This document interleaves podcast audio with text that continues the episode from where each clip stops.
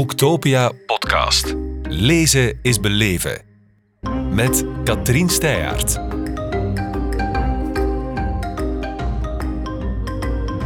En met Pedro de Bruikere, misschien wel Slans bekendste pedagoog. Welkom Pedro. Een goeiedag. Je hebt eerder al boeken geschreven waarin bepaalde vastgeroeste ideeën of foute ideeën over leren, lesgeven doorprikt worden. We gaan het vandaag over één ervan hebben. Juffen zijn toffer dan meesters. Het begint op een missie te lijken. Van waar dat vuur? Het eerste boek is echt ontstaan, ik geef toe, vanuit een frustratie een beetje. Ik zat ooit op een sessie en in die sessie kwamen heel veel zaken aan bod waarvan ik dacht van, maar onderzoek zegt dat dat niet klopt. Uh, en ik dacht van, laat ik daar samen toen met Casper, later kwam Paul erbij, een boek over schrijven. Dat we eventjes gewoon niet onze mening haven. Want we, ik vind het heel belangrijk om de toestand in de wetenschap te beschrijven. Ik heb over veel van die zaken een mening, maar mijn mening is niet zo belangrijk. Wat weten we bijvoorbeeld in het eerste boek over leerstijlen? Wat weten we over uh, de leerpyramide en zoveel andere thema's? Maar wat we niet verwacht hadden, was dat na het eerste boek we zoveel vragen zouden krijgen. En klopt dit? En hoe zit het daar nu mee? En dat was... Het boek Jongens zijn slimmer dan meisjes. Ja. Het gevolg was dat we na een tijdje naar elkaar begonnen te kijken van wat gaan we met die vragen doen.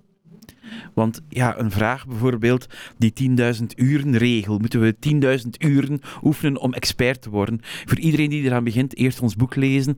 Want het kan zijn dat je gewoon anders veel te veel tijd gaat verliezen. Het kan zijn dat u zich lelijk mispakt. Oh ja, het goede nieuws is, het kan ook zijn dat je het op 5.000 uur kan doen.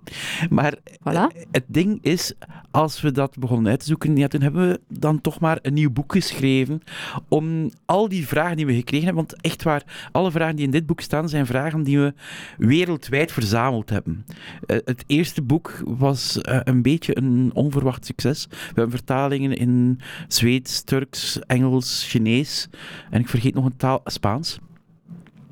En het gevolg is dat we echt letterlijk vragen kregen van overal. En die vragen zitten in dit boek verwerkt.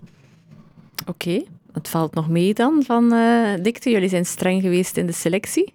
We zijn streng geweest in de selectie en we gebruiken al heel tijd drie categorieën.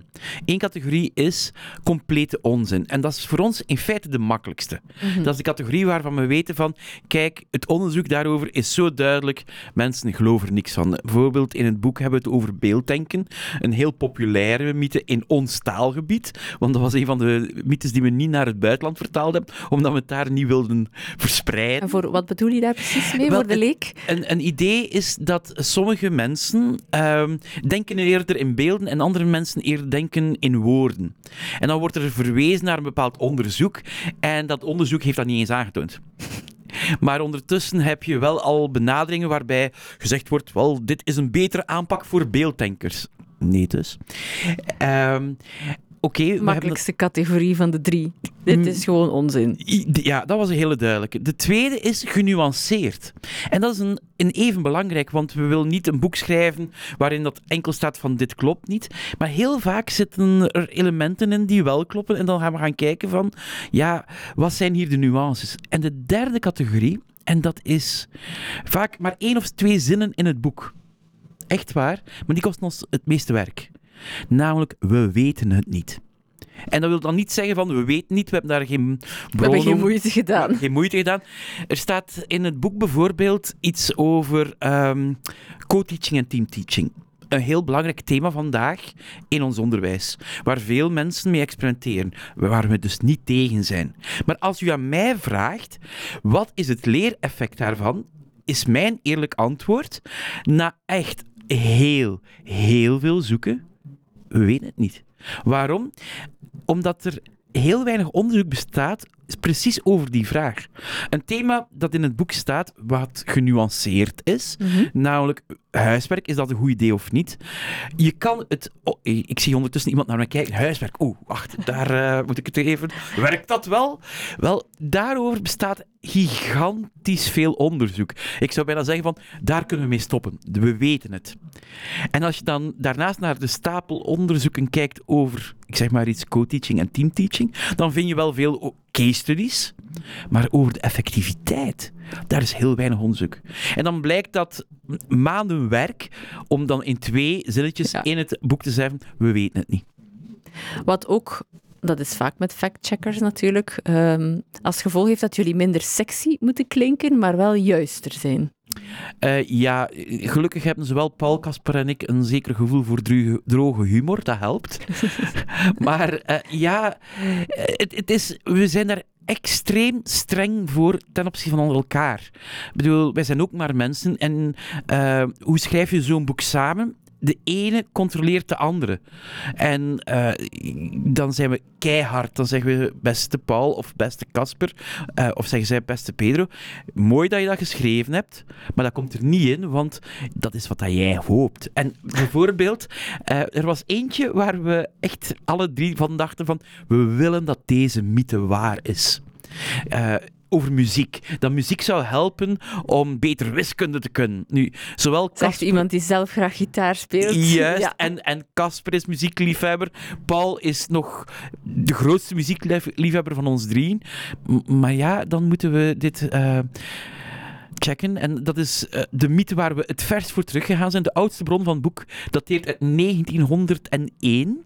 En we hebben echt waar alle onderzoeken sinds 1901 over dat thema doorgenomen. Oké, dat alleen al was maandenwerk. Eh, dat is verschrikkelijk. En ja, als we dan op het einde van de rit moeten zeggen van... Ja, hoe graag dat we het ook zouden zeggen van ja, nee. Dat is hard. Ja, maar het hoort erbij. Ik bedoel, de wetenschap dient niet onze gevoelens. De wetenschap dient onze zoektocht, die nooit zal eindigen, eh, naar de waarheid. En we proberen op die manier een stukje die waarheid mee te geven. En dan niet onze waarheid, maar een zo getrouw mogelijke weergave van waar het onderzoek vandaag staat. Zo gedragen mogelijk. Ja. Ja. ja. Waarover heb je zelf nog het meest bijgeleerd? Waarin ben je het meest verrast? Ehm goh, dat is een moeilijke. Ik. ehm, een, frustratie die altijd blijft, is de slechte bronverwijzing. Ik ga terug een concreet maken. Ehm, een, een uitspraak die, die zelfs vorige week nog ergens opdook in de media, eh, is 65% van de jobs die onze kinderen later gaan doen, bestaan nu nog niet. Dat is een hele dure mythe geweest om te checken. Ja, ehm, dit komt vaak terug vanuit een rapport van het World Economic Forum. Dat is waar nu eh, veel eh, kon, ehm, samensweringstheoristen mee bezig zijn, maar die bestaan al langer. En eh, die hebben dat ooit geschreven, een rapport die verwijst naar een bron. Die bron komt van de Amerikaanse overheid. Nu, wat staat er niet in die bron? Dat cijfer. Dat, dat rapport gaat daar niet eens over. Tamelijk belangrijk. Dat is tamelijk belangrijk en dat is gewoon slordig. Mhm. Nu, voor ons is dit dan een frustratie geweest, want dan willen we niet enkel zeggen, het staat niet in die bron, het klopt dus niet. Oké. En die willen verder gaan dan dat, uiteraard. Wij hebben blijven zoeken naar die oorspronkelijke bronnen. We zijn tot in de jaren 60 geraakt. Maar dit was een voorbeeld van ongelooflijk veel dode sporen. Waarbij opeens zegt iemand ergens: Het staat in dat boek. Dat schrijven. Dan is dat zo'n obscure publicatie uit de jaren 70. Maar dan willen we die hebben. Want stel u nu voor dat het effectief in die bron staat. En wij hebben die bron niet gecheckt. Dus ik ken ondertussen heel veel websites van tweedehandswinkels van boeken over heel de wereld. Ja. Want we wilden die bron hebben. Hoe obscuurder, hoe beter. Nee, nee, nee, nee, hoe beter. Vooral niet hoe beter, want het kost geld. Ja, ja. Dat is en veel, veel energie kan ik mij inbeelden, maar eh, toch altijd met dat doel voor ogen. Van, want hier zijn wel heel veel mensen mee geholpen, natuurlijk. Ik, ik hoop het. Nu, wat onze bedoeling niet is, is ehm, dat mensen als ze onze mytheboeken lezen, denken van alles wat ik weet is fout. De kans is groot, maar dat is niet onze bedoeling. De, onze bedoeling is om de nuance terug te brengen. En wat we wel vaak merken bij mensen die onze boeken lezen, is dat ze ontdekken van hé, hey, maar de werkelijkheid is dus effectief complexer dan ik dacht. En ik heb dit hier geprobeerd en het heeft niet gewerkt, maar het is misschien daarom of daarom. En op die manier kunnen we een beetje gemoedsrust terugbrengen. Ja, en je kan toch ook, hoe meer informatie je hebt, hoe sterker je toch staat. Ik hoop het. Ehm, ik hoop het, ja. En, en op die manier kunnen we hopelijk door de mensen een, een, een betrouwbare bron aanleveren. Want wat mensen niet weten, en ik, er- de- een van de mensen van de uitgeverij zit in, in, in het panel te luisteren, en ze hebben niet graag dat ik dat zeg. We gaan het toch doen. We gaan het toch doen. Maar in feite, dit boek heeft een, eenzelfde soort statuut als wetenschappelijk werk, maar we maken daar geen reclame mee. Wij vragen zelf aan wetenschappers om ons te controleren. Net zoals dat elk wetenschappelijk document, elke wetenschappelijke paper blind gereviewd wordt. Diezelfde procedure willen wij, gewoon om onszelf te controleren Mhm. en te laten controleren. Terug, omdat onze mening niet zo belangrijk is. Het moet gewoon zo correct mogelijk zijn. Ja, dat pleit toch alleen maar voor jullie. En ik kan eh, voor alle ongeruste uitgevers eh, meegeven dat het heel, heel vlot leest. Het is absoluut, het heeft niet het, het droge wat je van een wetenschappelijke studie zou verwachten. Het is onderbouwd, maar het leest goed. Eh, waarvoor heel veel dank. Dat is vooral de verdienste van Paul en Casper. Nee, dat we doen dat wel We samen. misschien ook wel gewoon eens met naam en toenaam moeten noemen. Paul Kirchner en Casper Hulshoff. De ene uit New York, de andere uit Utrecht. Ja, Dat geeft jullie wel de, de, de kans om heel breed te gaan natuurlijk. Elk met jullie kijk. Wel, eh, Paul woont nu al heel lang in Nederland, maar wat wel is dat eh, Paul is een cognitief psycholoog. Mhm. Eh, Casper is een psycholoog, ik ben een pedagoog en onderwijskundige. En op die manier ja, krijg je ook de verschillende expertises die gedeeld worden. Ehm, er is een nieuw project in de maak, waarbij we een nieuw team samengesteld hebben, omdat we, we hebben de voorbije jaren ook wel mythes tegengekomen, waar de, de expertise van Paul, Casper en ikzelf ja, ontoereikend waren. En Mhm. voor ons is het even belangrijk, schoenmaker blijft erbij u leest. Ja. En dus bij het volgende project gaan er nieuwe namen opduiken, maar dan specifiek rond de expertise die zij hebben. Misschien moeten we er toch nog eens eentje uithalen voor Prima. mensen die eh, nieuwsgierig zijn. Een van de moeilijkst uit te roeien mythes, heb ik gezien, gaat over leren lezen. Ja. Oh ja, de leesoorlogen. De, u- we merkt- zitten hier op Boektopia, ik kan er niet rond. Hè? Nee, klopt. Het is een... een, een ehm, het heeft zelfs een eigen naam, deze mythe. De Reading Wars, de leesoorlogen. En die leesoorlogen, die gaan al heel lang mee. En in feite is het een, een heel simpele vraag. Hoe leren kinderen het best lezen? Een zeer cruciale vraag ook. Zeer cruciale vraag. En dan heb je aapnootmis, ik noem het nu even zo, de phonics-methode, waarbij echt bijna synthetisch de, de code leert gebroken worden, versus een globale leesmethode, waarbij woorden in het geheel en zelfs zinnen in het geheel aangeleerd worden. En de redenering is, die tweede methode zou beter zijn, omdat een volwassen persoon op die manier leest. Ja, wij lezen niet meer die letters apart, wij zien echt chunks, we zien hele woorden en zelfs hele stukken van, woorden, eh, van zinnen. Nu, wat blijkt? Die, hoe populair dat idee lijkt van die tweede, dat werkt dus niet. Eh, dat werkt voor een paar sterke leerlingen, Mhm. maar als je echt wil hebben dat de kloof in het onderwijs groter wordt, gebruik die globale leesmethode. Die andere methode, die phonics-methode, die blijkt dus zeer goed te werken. Tegen misschien de intuïtie van veel mensen in. Om het heel concreet te maken, en dat staat niet in het boek, maar ik wil altijd dat up-to-date houden. Ja? Eh, wij hebben de voorbije jaren een enorme achteruitgang gezien in eh, ons begrijpend lezen. Op hetzelfde moment heeft in de UK, zeker in Engeland, specifiek in die regio, heeft men de tegenovergestelde beweging gemaakt. In 2006 zaten wij bij de wereldtop, zaten zij onderaan en we hebben gewoon van plaats gewisseld. Hm, niet zo Nu- goed voor ons. Nee, nee, dat is heel erg veilig.